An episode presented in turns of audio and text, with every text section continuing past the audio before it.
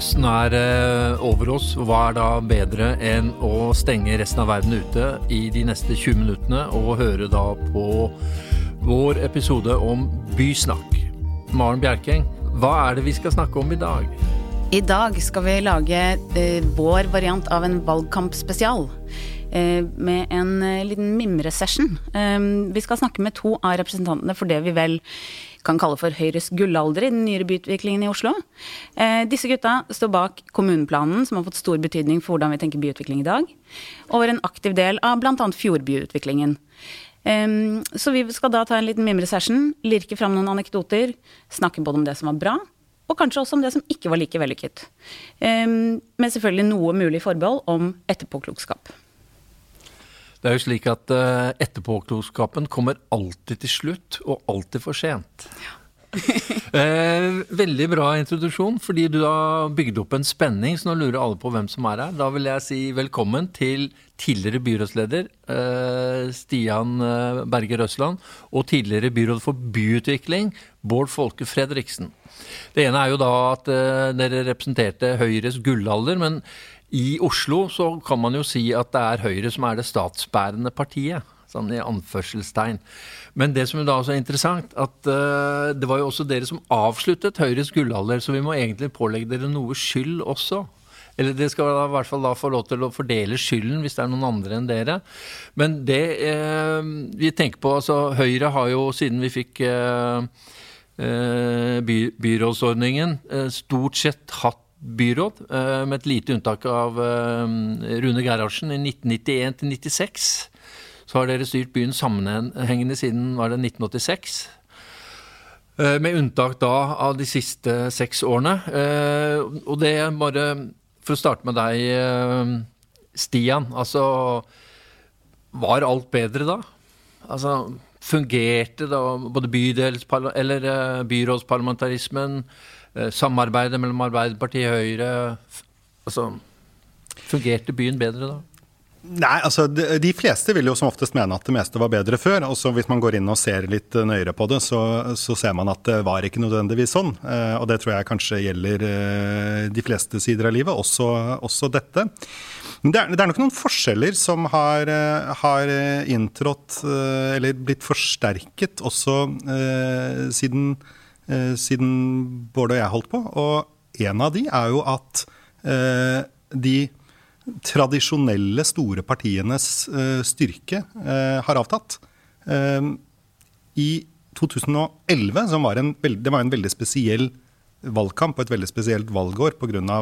terrorangrepene mot Arbeiderpartiet og AUF eh, 22.07. Men eh, men det året fikk Høyre og Arbeiderpartiet i Oslo over 70 oppslutning til sammen. Eh, I 2015 så fikk Høyre og Arbeiderpartiet eh, litt over 60 oppslutning til sammen. Og i 2019 så fikk altså Høyre Arbeiderpartiet ikke flertall eh, i Oslo bystyre.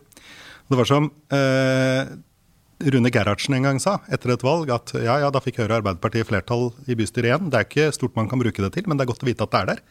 Uh, og det var noe i det, altså. Uh, så det tror jeg kanskje er en forskjell. Uh, at, at, de, at, de, tradisjonelt store partienes styrke er, er, mindre i dag. Og det har selvfølgelig betydning på, på, ulike områder av politikken.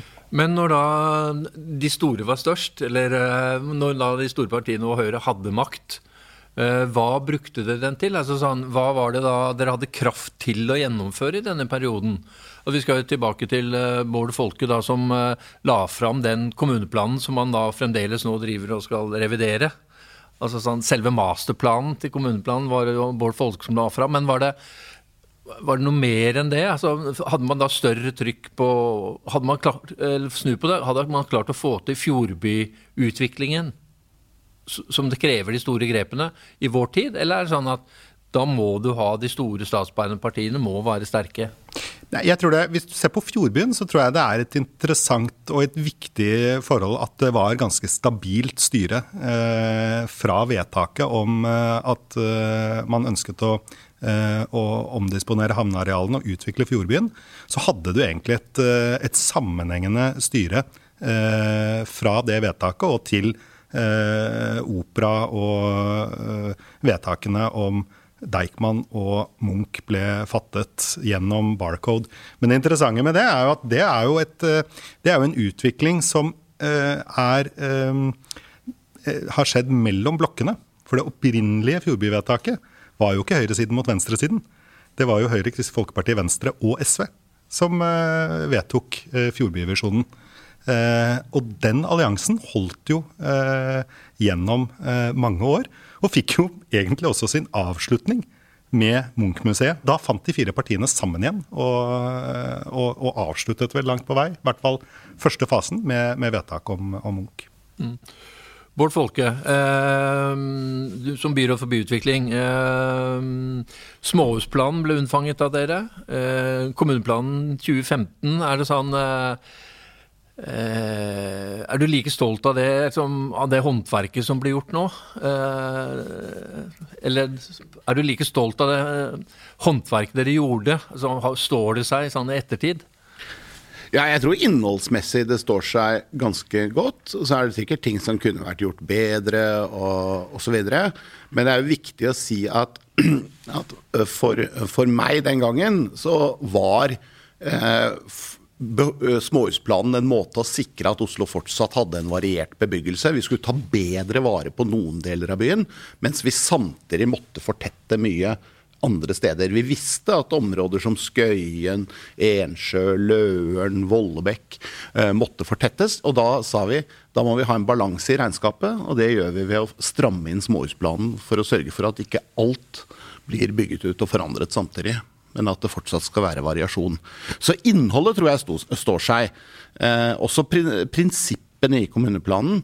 Eh, at eh, vi først og fremst ønsket å gjenvinne Indre by som boligområde. Fortette eh, i Indre by, og at Indre by også vokste utover. Typisk eksempel med Skøyen og Ensjø eh, osv. Uh, og at, den, at det, all byutvikling hang uh, nesten uløselig sammen med samferdsel, nemlig kollektivutbyggingen. Mm. Men det, det, som jo er fascinerende, er jo da at uh, denne kommuneplanen ble jo lagt fram etter at du hadde gått av. Og det var jo ikke sterk støtte i Høyre for å følge denne kommuneplanen. For da fikk du jo da et opprør på Nedre Grefsen. Uh, for de hadde ikke forstått at fortetting rundt Storo også inkluderte dem på litt finere strøk på Nedre Grefsen. Og dermed så så du egentlig at hvis du sier at det representerte styringshøyre, så kom da det egentlige uh, høyre, vestkanthøyre, fram og torpederte det dere hadde lagt fram? Altså, føler du det på den måten, eller? Nei, og, og, historiefortellingen din blir litt rar. fordi det var jo byrådet til Stian eh, og meg som byutviklingsbyråd som la frem kommuneplanen etter et par år offentlig arbeid med masse store høringer og debatter og, og sånn i, på vårparten i 2015. Og så var jo dette et stort tema i valgkampen. Og så ble, er det riktig at den ble vedtatt i ukene rett etter valget. Eh, men eh, det valgresultatet gjorde jo at Høyre kom i opposisjon. Og det er jo ikke helt unaturlig at et parti som kommer i opposisjon etter 19 år, nyorienterer seg på noen områder. Selv om jeg fortsatt eh, mener at et område så tett på Ring 3 og, og Storo ville vært utmerket å utvikle, slik vi har fått utviklet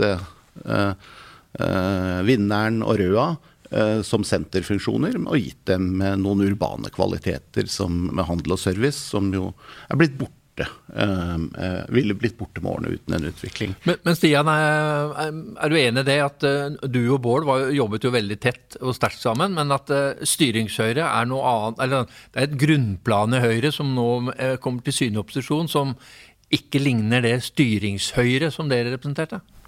Nei, Det er jeg ikke sikker på om jeg er enig i, men jeg tror det er jo klart at det er jo en forskjell for uh, et politisk parti som har i praksis sittet ved roret i 20 år, uh, med ulike profiler, ulike uh, politikere, som har forsøkt å kjøre da langt på vei én linje i de 20 årene, og så kommer det et valg eh, som endrer eh, landskapet. Og det endret jo også mye personsammensetningen også i, i, vårt parti. Altså, eh, det var jo også riktig når, tenkte jeg, at når vi når vi da kom til 2015 og, og, satt et punktum for den lange perioden hvor, hvor da vårt parti hadde vært i, i førersetet, så var det også naturlig at, at, det måtte noen nye koster til å definere hva som skulle være opposisjonens rolle fremover. Og det, det er klart at da, da må du eh, dels forsøke å ta med det som har vært, men du må jo også forsøke å utvikle og, og gå videre og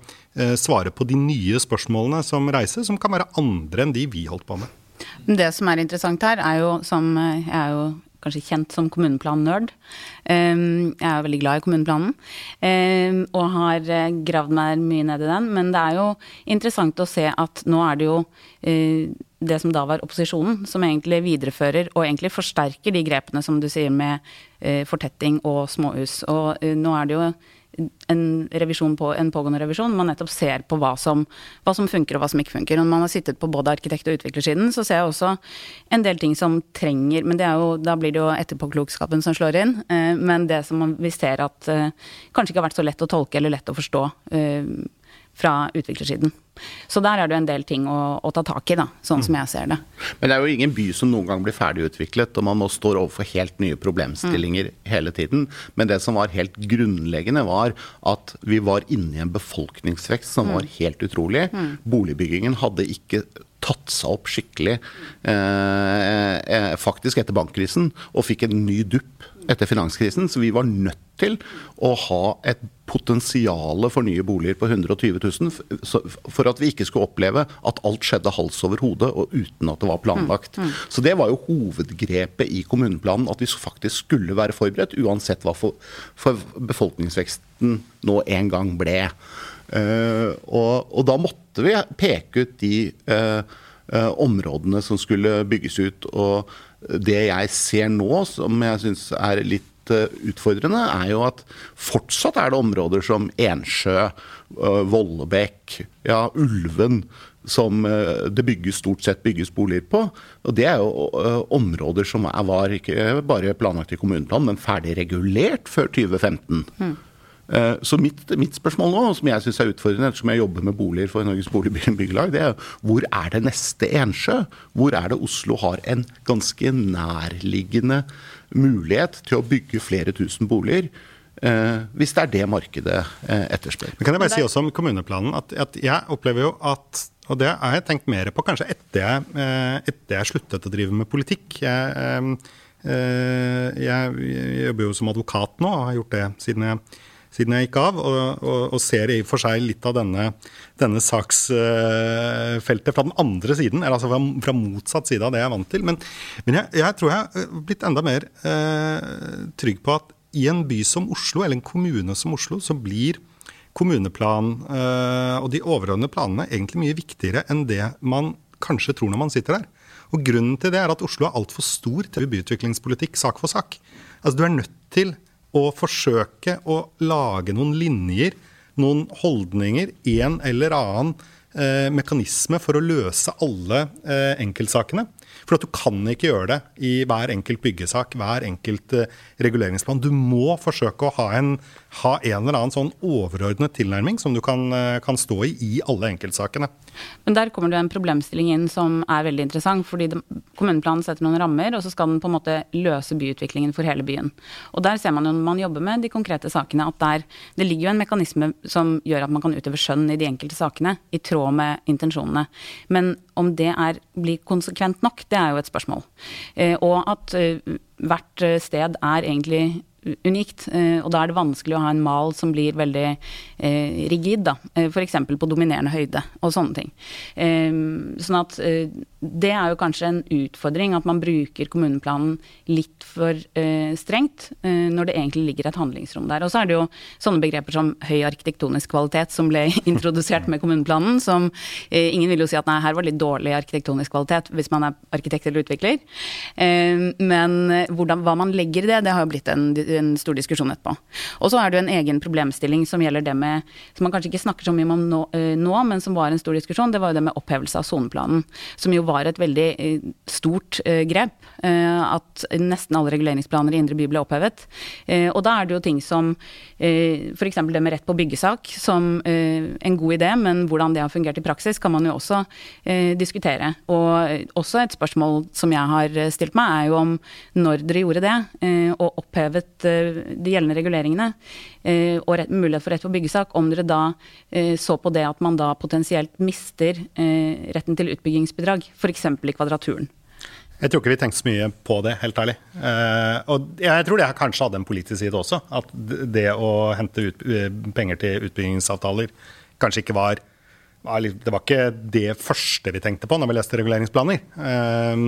Men, eh, For det er noe man ofte møter i de sakene? Ja, men da kan det jo være litt, rett og slett litt, uh, litt, uh, litt, ulik tilnærming. Så tror jeg kanskje også det er et eksempel på at tiden har gått litt. At dette er en problemstilling som er høye, mer aktuell nå enn det, enn det var.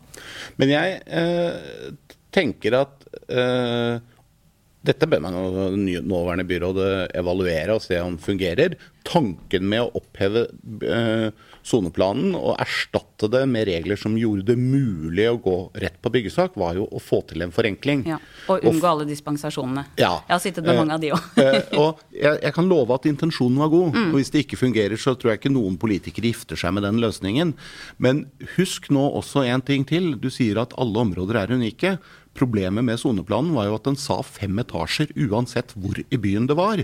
Så soneplanen var jo virkelig ikke skreddersøm, altså. Nei, jeg syns det er et det, don't get me wrong, jeg synes det er et godt grep. Ja. Så det er mer det at man ser i ettertid at uh, her er det gjort noen store litt sånn bold statements, og så må man uh, fylle det ut med noen mer uh, konkrete føringer. Og så er det jo et spørsmål som også er interessant, er jo det med not in my backyard og medvirkning og den problemstillingen. For det sa man jo ofte i rett på byggesak. man Eh, av naturlige grunner tenker at her skal vi forenkle. Eh, og det er jo kjempebra, men så ser man at da blir, følger naboen seg litt overrumplet over oi, her kom det et nytt prosjekt som ikke vi var klar over. Så det er jo en problemstilling som også kommer opp, som er Og det ser man jo også på Smestad, ikke sant. Så det er jo, det er jo noe man må ta med seg videre. At den eh, medvirkningen Men det sa også alle naboene når vi, vi kom og sa at soneplanen vedtok i 1969, eller når det var, at det skulle være et femetasjers hus i bakgården din. Så sa folk hva, det har jeg aldri visst. du, husker, du, husker, du husker hva vår gamle venn eh, Fritz Huitfeldt, som var byrådsleder i Oslo fra 97 til 2000 han, jo, han, sa mange morsomme og kloke ting, men en av de han, han sa, som jeg husker, var at uh, Oslo uh, hadde egentlig vært en ganske lett by å styre. 500 000 innbyggere. Det var bare det at det var ca. to millioner naboer. Og det gjorde det veldig komplisert. men bare da for å se på kommuneplanen som en overordnet uh, blikk på det, fordi det, det skal jo være kommunens styringsdokument. Altså det har en samfunnsdel. Eh, med alle visjonene om hvor man vil med samfunnet. og Så skal det nedfelles i en arealdel for hvordan man skal da innføre de samfunnene. Men det jeg lurer på er så, Nå har det blitt veldig mye oppmerksomhet rundt den, heldigvis. Eh, men du så jo også da det var veldig lett å, også for politikerne å gå tilbake på den når det ble da, hva skal vi si, opprør. Nedre Grefsen Smestad. Eh, så det virker jo ikke nødvendigvis som om man ser på det som et bindende dokument. Altså, det er noe man må gjøre. Altså, og blir det for mye bråk, så vi lever i et demokrati, så går man tilbake på det. Hvordan kan man sørge for at det man kommer fram til i kommuneplanen, da, faktisk da blir en mal for byutvikling som egentlig alle binder seg til? da? Altså, det var en dristig ting med kommuneplanen som ikke var engang var vår idé. Men uh, statlige myndigheter mente at Oslo måtte ha en juridisk bindende kommuneplan. Og det fikk man for første gang i 2015.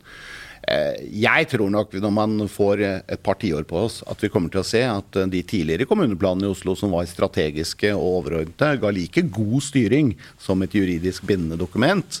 Eh, og hvis man ser på de tidligere kommuneplanene, så er det jo ingen tvil om at utviklingen har blitt akkurat sånn som man beskrev de, selv om de aldri var juridisk bindende. Så det får jo noen forskere eh, ta en titt på. så, så tenker jeg at medvirkning er utrolig viktig. Det tenkte vi før 2015 også, men eh, no, i noen områder var det tydeligvis ikke nok. Nå har jeg i og for seg tatt godt vare på de foredragene jeg holdt på Nedre Grefsen, så jeg vet hvilke plansjer jeg har vist. da, Så helt ukjent var de nok ikke med dette. Eh, det viser i hvert fall, eh, hvis, de, hvis de som kan lese kart, så utvilsomt hva som var ment. Men men, men, jeg tror man må også huske én ting. At medvirkning, det er at alle skal få sagt sitt og komme til orde før man trekker konklusjoner.